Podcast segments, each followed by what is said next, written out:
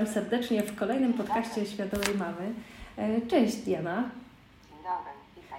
U Ciebie właśnie za oknem już, e, no nie taki wczesny poranek, e, a rozmowa, którą, o której chcemy, o, o, to, o tym, o czym dzisiaj chcemy porozmawiać, to co zrobić, kiedy moje dziecko nie chce spać. Czy Ty się dzisiaj wyspałaś? Tak, dziękuję bardzo. Jestem wielkim śpiochem i jeżeli nie mam przynajmniej 8 godzin snu, to, to jestem potem trochę nieprzytomna, więc bardzo to dbam. No i też y, dzieci powinny się wysypiać. Ile dziecko powinno spać tak do piątego roku życia? Jakie są zalecenia mm, w tym górnym wieku? Mhm. Pięciolatek potrzebuje, to też jest kwestia indywidualna, ale żeby było przynajmniej 10 e, godzin snu. Tak? Tutaj nie chcę generalizować, bo zapotrzebowanie na sen jest e, różne bardziej potrzebujemy zwrócić uwagę na przykład na to, czy dziecko rano budzi się wypoczęte i budzi się samodzielnie, czy na przykład e, trzeba malucha codziennie do przedszkola e, wybudzać i jeszcze by chciało troszeczkę e, pospać, no wtedy to jest po prostu taka oznaka, że jednak ta nocka jest dla dziecka zbyt krótka, więc w takim wypadku przydałoby się przenieść porę nocnego na wcześniej. Ukończyłaś specjalistyczny kurs z zakresu fizjologii snu niemowląt w amerykańskim Family Sleep Institute i jako pani kołysanka od 6 lat pomagasz rodzicom w poprawie snu niemowląt i małych dzieci. Na co zwrócić uwagę w przestrzeni snu dziecka? Mówię przestrzeni, czyli wiesz, mam na myśli dosłownie cały pokój. Przede wszystkim, żeby nie było wokół malucha luźnych materiałów. Do pierwszego roku życia to jest po prostu niebezpieczne, e, a później zupełnie niepraktyczne, dlatego że e, maluchy się rozkopują i zdecydowana większość e, dzieci, niemowląt, nie lubi być niczym przykrywana. I rodzice sobie dokładają zupełnie niepotrzebnie pracy, żeby ponownie w nocy dziecko przykrywać. Tak. Więc w pierwszych miesiącach polecam otulacze, później śpiworki typu worek, a potem śpiworki z nogawkami wtedy, gdy dziecko już potrafi siadać, wstawać i jednak potrzebuje większej e, swobody w, mm, w tak, przemieszczaniu się, więc wtedy śpiworek e, z nogawkami. Warto też zwrócić uwagę, żeby w pokoju nie było zbyt e, ciepło. Niestety polskie mieszkania są przegrzane, ta temperaturka jest podkręcana do 22 stopni, jak i nie więcej. E, tak, więc e, tutaj bym sugerowała, żeby temperatura była do 20 stopni, dlatego że do snu, do, dla dobrej jakości snu potrzebujemy chłodnego pomieszczenia. E, chłodne pomieszczenie, czyli ile stopni? 18, 19? stopni, do 20. Do 20. Tak. Więcej to już jest za ciepło.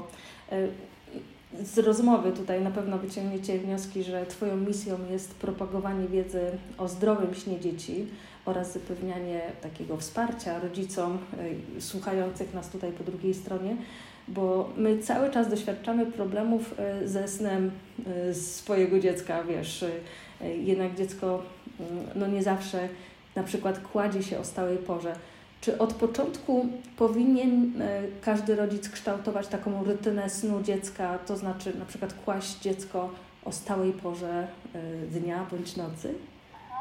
To jest taki mit, który funkcjonuje, że musimy mieć tutaj bardzo regularną porę snu nocnego, inaczej nam to się wszystko e, rozsypie. E, przez e, w ciągu początkowych miesięcy polecałabym, żeby kłaść dziecko stosunkowo późno, dlatego że rytm kołodobowy nie jest wykształcony i żeby uniknąć czuwania wtrąconego w nocy, noworodki powinny spać około, chodzić spać na noc około 22, tak, tak późno. Natomiast gdy maluszek jest już starszy, 3-4 miesiące i, i więcej, to tutaj e, kierujemy się ostatnim e, czasem czuwania. E, I oczywiście pora nocnego powinna być w miarę stała, natomiast błędem jest robienie, o mamy codziennie 19.30, niezależnie od tego, czy drzemka skończyła się o 15, 13 czy 16, idziemy spać na 19.30, bo to jest nasza pora. No, no nie, musimy jednak dopasować to, o której zakończyła się drzemka ostatnia, ile ona trwała, e, tak, żeby ten ostatni czas czuwania nie był zbyt e, długi, bo gdy będzie zbyt długi, to dziecko będzie nadmiernie zmęczone i przez to zasypianie będzie cięższe, a bardziej niespokojne. Wspomniałaś też już o takich starszych dzieciach. Mamy często, e, piszą do nas pytania, kiedy w ogóle dziecko może spać w innym pokoju niż rodzice? E, bo ja jako mama to też chciałam, żeby jak najdłużej spało obok mnie. Aha. Tak, no jest taka kwestia poczucia bezpieczeństwa mamy, mhm. żeby czuwać nad, nad, nad maluszkiem w nocy. Amerykańska Akademia Pediatryczna zaleca, żeby rodzic spał w tym samym pokoju co dziecko przez przynajmniej 4 miesiące e, życia pierwsze. Mhm. E, więc takie są e, rekomendacje. Jeśli chodzi o późniejszy okres, no to, to też jest kwestia tego, czy są karmienia nocne, ile ich jest, kwestia tutaj komfortu i wygody.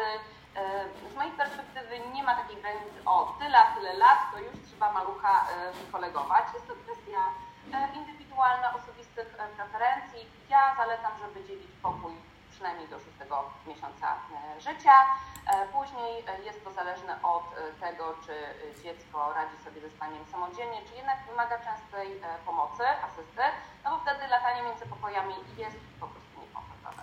Tak, trochę więcej się wyśpimy, jak dziecko jest obok i tak jak mówisz, szczególnie gdy są jeszcze takie nocne karmienia, a no, często zdarza się, że mama karmi dłużej niż 6 miesięcy, to wtedy dla wygody chociażby możemy sobie na to pozwolić i później nie będzie nam trudno e, wyprowadzić dziecko do, do własnego pokoju?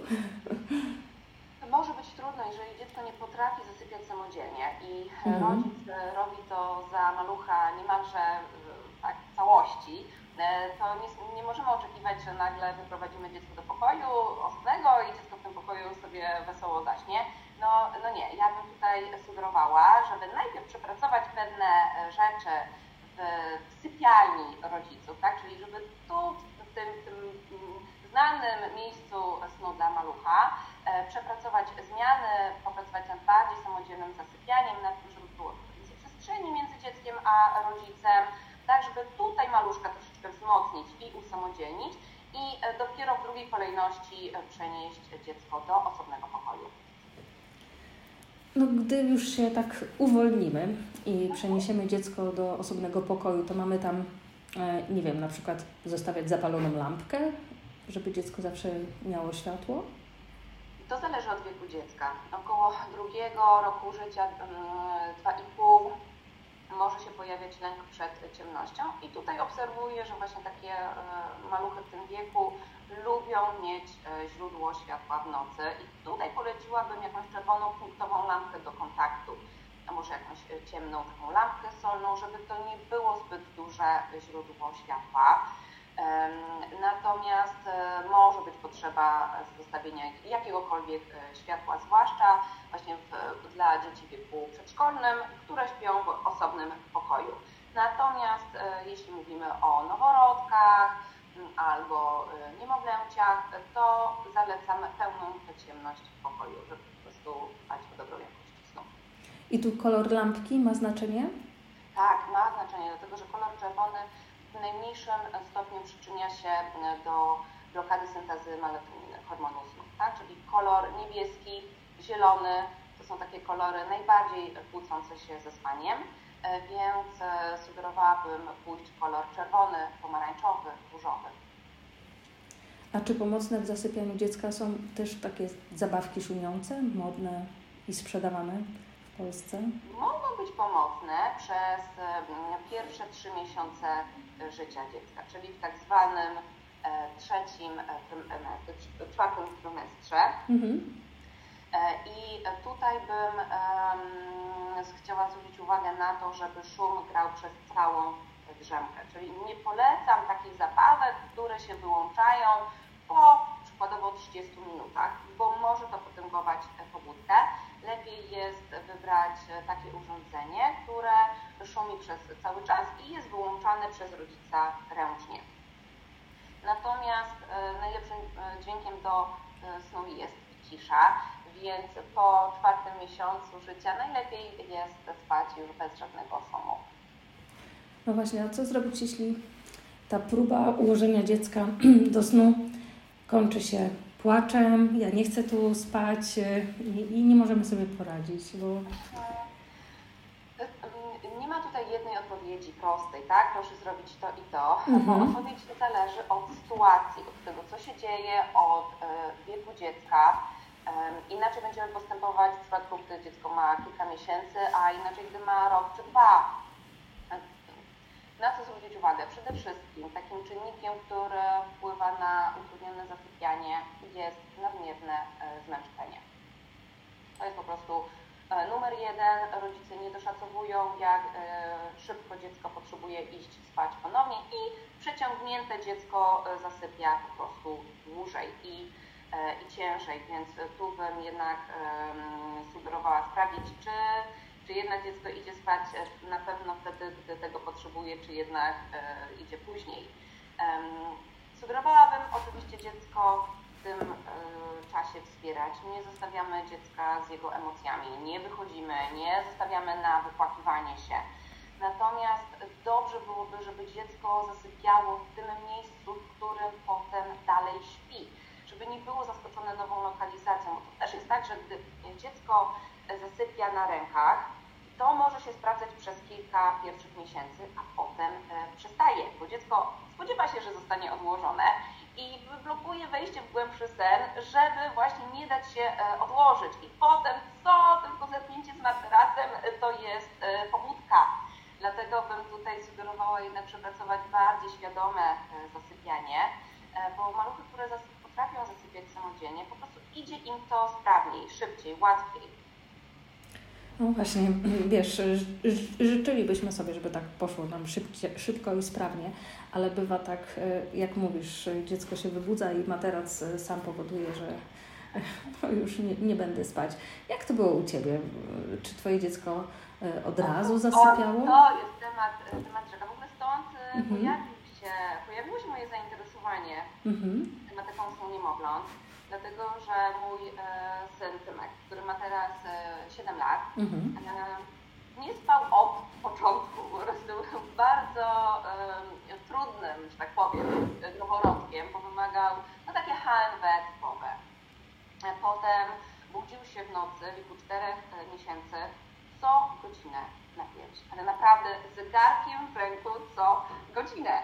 I nic innego nie pomagało, tylko przystawienie do piersi, bo jeżeli go nie przystawiłam, to po prostu wrzask, tak jakby obdzierali e, skórę.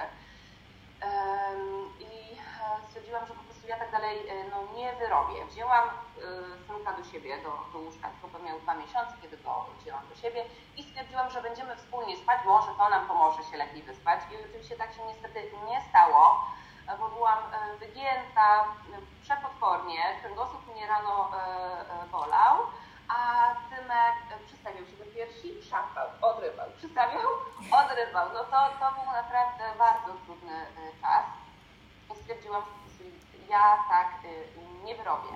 W moim przypadku wspólne spanie się nie sprawdziło. I zaczęłam szukać, tak, co może być przyczyną. Czy jest głodny? No, hmm, godzinę przecież e, dobrze przybiera na wadze, najada się.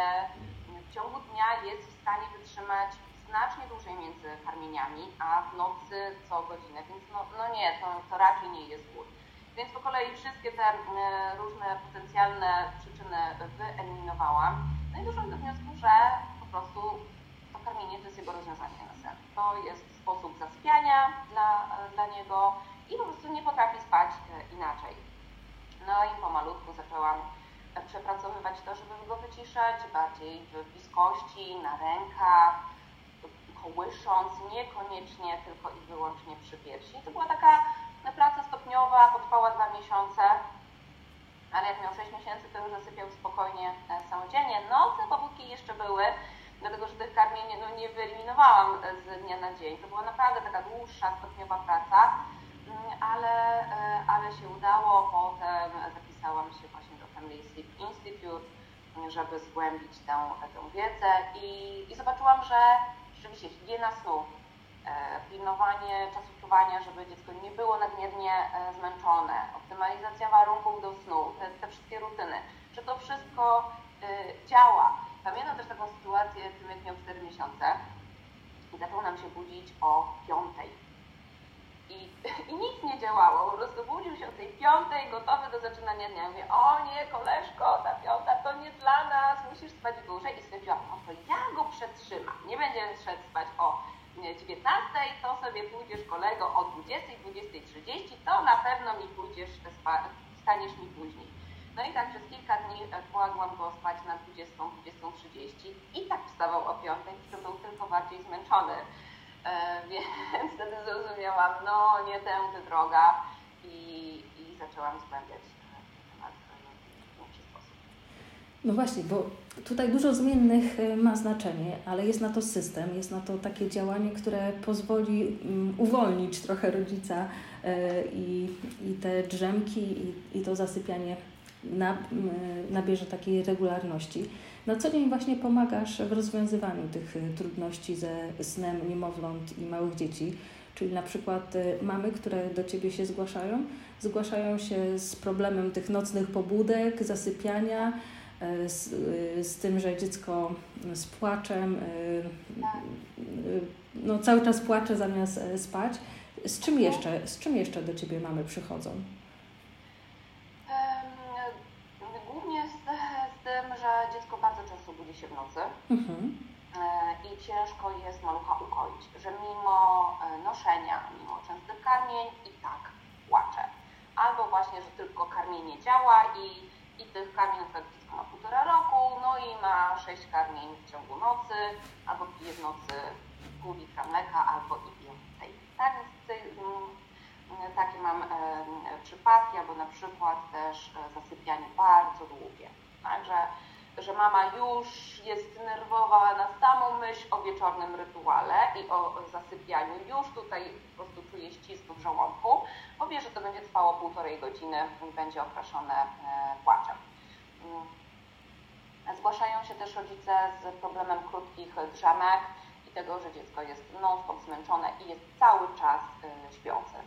Prześpi pół godziny, 15 minut e, się czuje dobrze i po 15 minutach, 20 już na nowo jest zmęczony, zaczyna jojczyć i tylko trzeba nosić, e, zabawiać, e, żeby, żeby jako, jakkolwiek przetrwać ten wspólny czas. To na koniec powiedz proszę, tak podsumowując, na co rodzice, każdy rodzic powinien zwracać uwagę, żeby to ten sen był jednak taki spokojniejszy u dziecka. Czy też mamy śpiewać kołysanki, Pani kołysanko? Tak, ja bardzo lubię ten, ten element w rytuale, śpiewanie kołysanek. One mają dużo większą moc, gdy są śpiewane przez rodzica, zwłaszcza gdy rodzic dziecko czuli tutaj blisko e, siebie i, e, i tutaj ten temp głosu potrafi naprawdę fajnie działać e, kojąco. Tylko bym zalecała, żeby nie śpiewać może do samego zaśnięcia, bo to się wiąże z, właśnie z uwarunkowaniem początku snu, czyli dziecko, które zasypia słuchając kołysanek, ma prawo oczekiwać, że te kołysanki będą śpiewane przez całą noc, tak? Więc kołysanki jako element wyciszający w rytuale e, jak najbardziej. Jako taki tak, kontrakt tak, roz, otwierający ten proces zasypiania, tak? Coś w tym stylu? Dokładnie, mhm. tak. Ten, no to pierwsze przygotowanie, podjęcia tematu zasypiania. Tak e, podsumowując, na co e, rodzice powinni e, zwrócić przede wszystkim uwagę, to to tutaj po czwartym, piątym miesiącu życia, żeby jednak dążyć do uregulowania godzin snu dziecka, do mhm. zaproponowania stałego planu dnia, tej rutyny, dzięki czemu zasypianie będzie szybsze, bardziej przewidywalne, drzemki też jest większa szansa, szansa na to, że będą regularne i dzięki temu dziecko będzie lepiej e, wypoczęte. Zwracamy uwagę, żeby nie kłaść dziecka spać nadmiernie e, zmęczonego. Tutaj bym też sugerowała e, przeanalizować, jakie jest kojarzenie na sen u maluszka. Jeżeli jest to karmienie bądź zawsze bujanie na rękach, zwłaszcza intensywne, albo na przykład skakanie na piłce, to jest bardzo duże prawdopodobieństwo, że właśnie takiego samego rozwiązania dziecko będzie oczekiwać w nocy i właśnie to jest nasz powód tych pobudek. Więc można byłoby spróbować rozluźnić te skojarzenia na sen, żeby w konsekwencji sen nocny troszeczkę się poprawił. tak trochę mną wstrząsnęła, jak opowiedziałaś o tej piłce, ale tak e, słyszeliśmy właśnie i o takich e, przypadkach.